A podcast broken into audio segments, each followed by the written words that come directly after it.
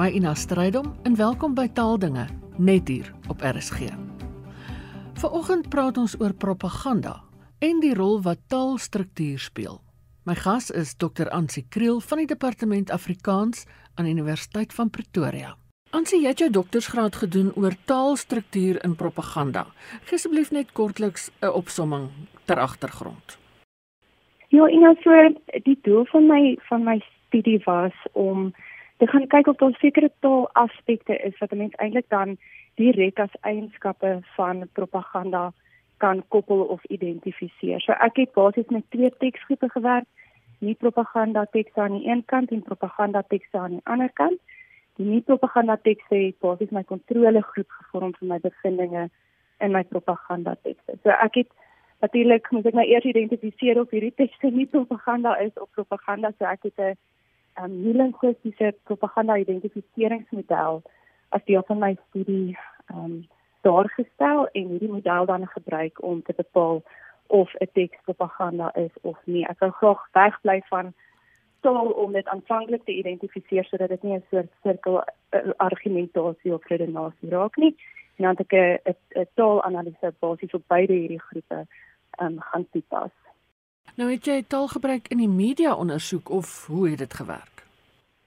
Ja, so in die propaganda teksgroep het ek primêr maar met um nuusberigte of artikels gewerk en dan in die propaganda teksgroep het ek met tekste gewerk soos persverklaringe van verskillende politieke partye onder meer ook 'n oop brief wat Edward Zuma ten tye van nou die hele uh, staatskapingssage geskryf het aan Derek Hanekom. So so so tipe teks was ook byvoorbeeld in die propaganda teksgroep. So mense sien ook iets van verskillende tipe tekste wat mense meer verwagte sou kon wees in die een kategorie of in die ander word hierdie beginsels, hierdie taalstruktuur beginsels in verskillende tale op min of meer dieselfde wyse toegepas?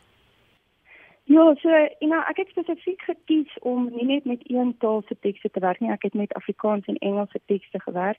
En die hele idee was dan om te kyk hoe algemeen die afleidings is wat ek tog kan maak. En dit lyk vir my daar's 'n baie besliste ooreenkoms. Dit lyk nie asof daar regtig noemenswaardige verskille is wanneer dit kom by hierdie verskillende tale nie. Maar ek dink dit is ook belangrik dat 'n mens besef is iets wat 'n mens 'n studie mee kan uitbrei in die toekoms, is om te gaan kyk hoe word voornaamwoorde byvoorbeeld gebruik om om ons en hulle verteenwoordig wat tipies iets wat net graag in propaganda wil doen hierdie verskillende kategorieë um, of hoe hoe word naamwoorde gebruik om disimisme te implementeer ensovoorts oor tale heen so meer tale dan net as wat ek byvoorbeeld gebruik het maar ek dink dit ver as wat mense dink aan 'n spesifieke taalstuk wat 'n sekere funksie het, gaan jy definitiewe ooreenkomste waarskynlik oor tale heen kry. Ansima, hoe herken 'n mens dan propaganda bloot uit taalgebruik? Ja, ek dink dit is 'n goeie vraag, Ina. Ehm um, taal is wonderlik in daardie sin dat dit vorm basies die houers van die inhoud oordra van die kommunikeerder na die die tekengroep toe in hierdie geval dan nou die propagandist wat wat iets oordra. So miskien in hierdie geval is dit belangrik om dalk 'n definisie net vinnig van propaganda weer te noem. So propaganda is enige kommunikasieskep wat ten doel het om 'n sekere tekengroep op so 'n manier te beïnvloed dat hulle op 'n sekere tyd reageer en die reaksie dan of die uitkoms van hulle reaksie is primêr tot voordeel van die propagandist. So die propagandist gebruik basies taal um, om om 'n teikengroep dan nou op 'n manier te beïnvloed. Mens weet ook dat 'n propagandist dit was emotiewe taal gebruik. So ek sê emotiewe taal is byvoorbeeld iets om na te kyk wanneer jy wil identifiseer of iets propaganda is of nie. Ons praat ook van subjektiewe taal en dit is interessant, dis baie meer subjektiewe taal wat ek skry in die propaganda tekste as in die nie propaganda tekste. Nou met subjektiewe taal veronderstel 'n mens evaluerende taal gebruik. So jy sien reeds iets van die propagandist of die gebruiker van die taal se stand teenoor 'n sekere persoon of 'n sekere gebeur gebeurtenis ensovoorts. So um, ek dink byvoorbeeld aan Edward Zuma wat Derikane kom 'n vile dog genoem het in die oop brief. Jy sien dadelik 'n negatiewe stand wat die propagandist op daardie stadium inneem teenoor die persoon wat beskryf word. Een van Zuma se ondersteuners het op 'n stadium gereageer op 'n politieke analis wat uh, vir Zuma gesê het asseblief um besin mooi oor jou aksies want dit het bepaalde gevolge en hy het toe daardie politieke analis uh, geklassifiseer as 'n lean radical en eintlik dan nou mense wat soos hy dink of optree of opmerkings maak. So 'n mens sien weer eens 'n baie negatiewe houding wat ingeneem word teenoor daardie persoon wat reeds gesetel is in die adjektief en die naamwoord wat sommer daar saam gebruik word. 'n Mens moet natuurlik ook pessimisme, soos wat ek ook nou so vinnig na verwys het, is om iemand so sleg te sê of of 'n slegte naam te gee.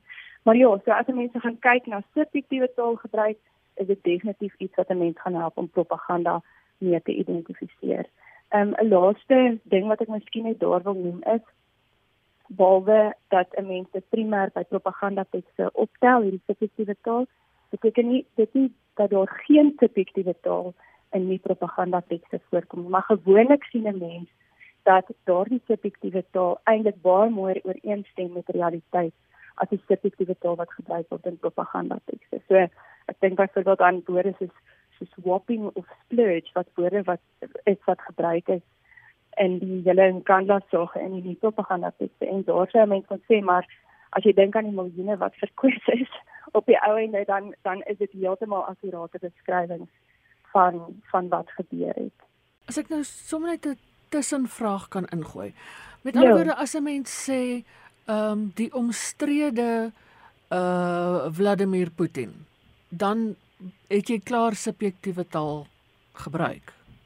Ja, dan het jy eintlik klaar subjektiewe taal gebruik. So ek dink in hierdie geval wat dit moeilik maak is joernaliste moet natuurlik goeie taal ook gebruik.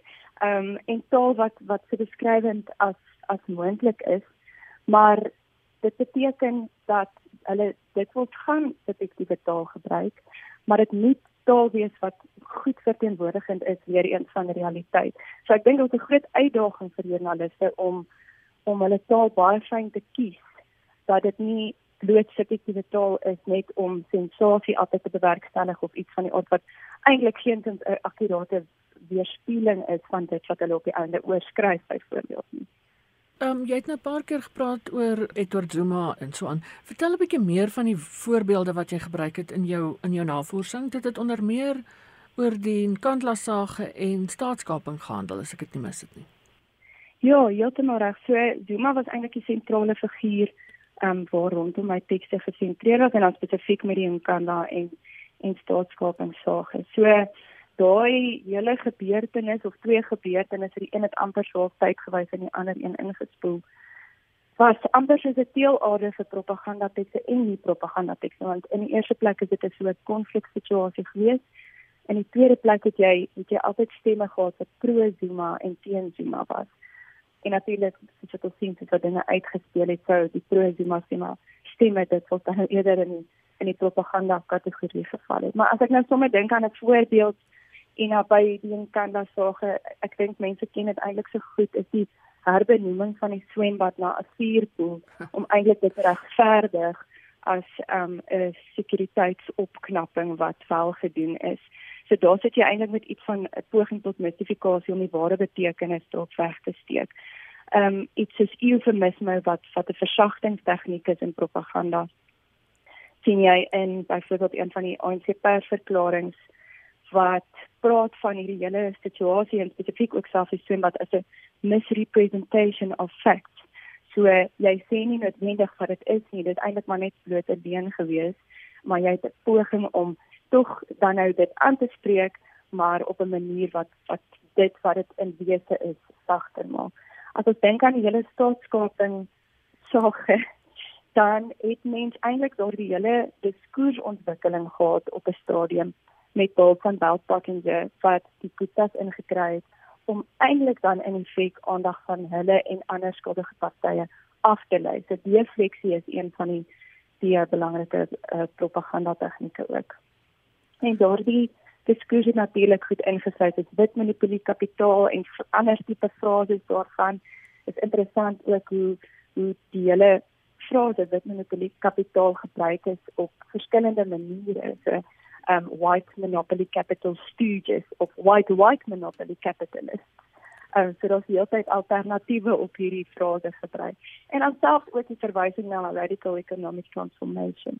Ehm um, dit is ook vir my nogal interessant dat hierdie terme op die einde toe nie 'n dadelike dood gesterf het na alles uitgekom het in terme van staatskaping nie. Daar's maar altyd nog so 'n bietjie van 'n terugryk na veral ook die ehm um, radikale ekonomiese transformasie fase wat nou ja, nog steeds teenwoordig is.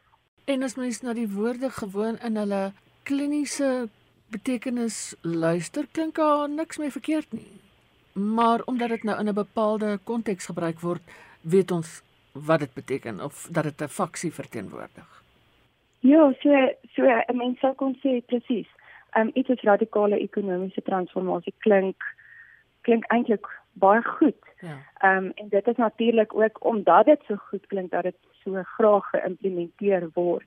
Maar dit is presies soos jy sê as 'n mens 'n klein bietjie meer konteks tog daar daarby trek, dan besef 'n mens daar's hierdie ekstra betekenis aan verbonde binne 'n sekere konteks.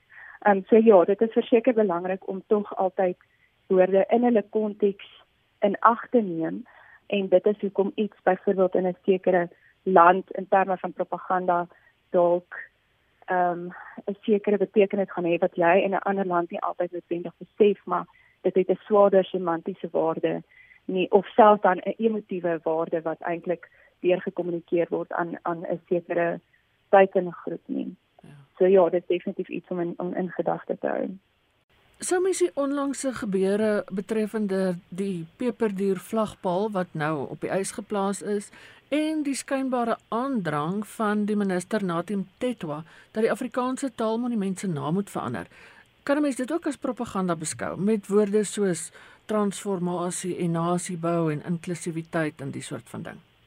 Ja, dis dis dan maar 'n interessante voorval ina.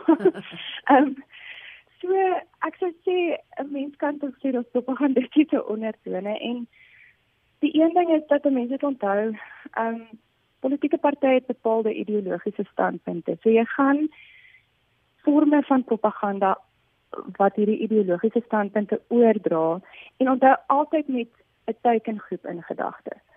Gaan jy deurlopend sien, ek dink mense is baie keer geneig om te dink propaganda is redelik geïsoleer tot 'n verkiesingstydperk. En alhoewel dit 'n geïntensifieerde tyd van propaganda is, moet 'n mens werklik ook oop hou deurlopend want politieke partye en dan 'n individu wat geaffilieer is daarmee.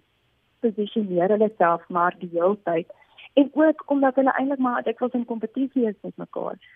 Want hierdie tipe retoriek klink ook ook heelwat eintlik soos wat die die EFF eintlik sou iets wees wat wat 'n mens hulle mee assosieer. So miskien is daar altyd maar ook hierdie hierdie kompetisie element um, en dan nou spesifiek vir stemmers vir 'n spesifieke teikengroep tussen tussen veral hierdie twee partye Maar ja, so ek ek dink wat 'n mens ook sien hierso is as ons nou praat oor oor bietjie van 'n ideologiese aspek, sien 'n mens iets wat jy 'n ruk terug vir al wêreldwyd gesien het en dit is nog steeds aan die gang, maar die hele everything must fall hmm. um bewegings.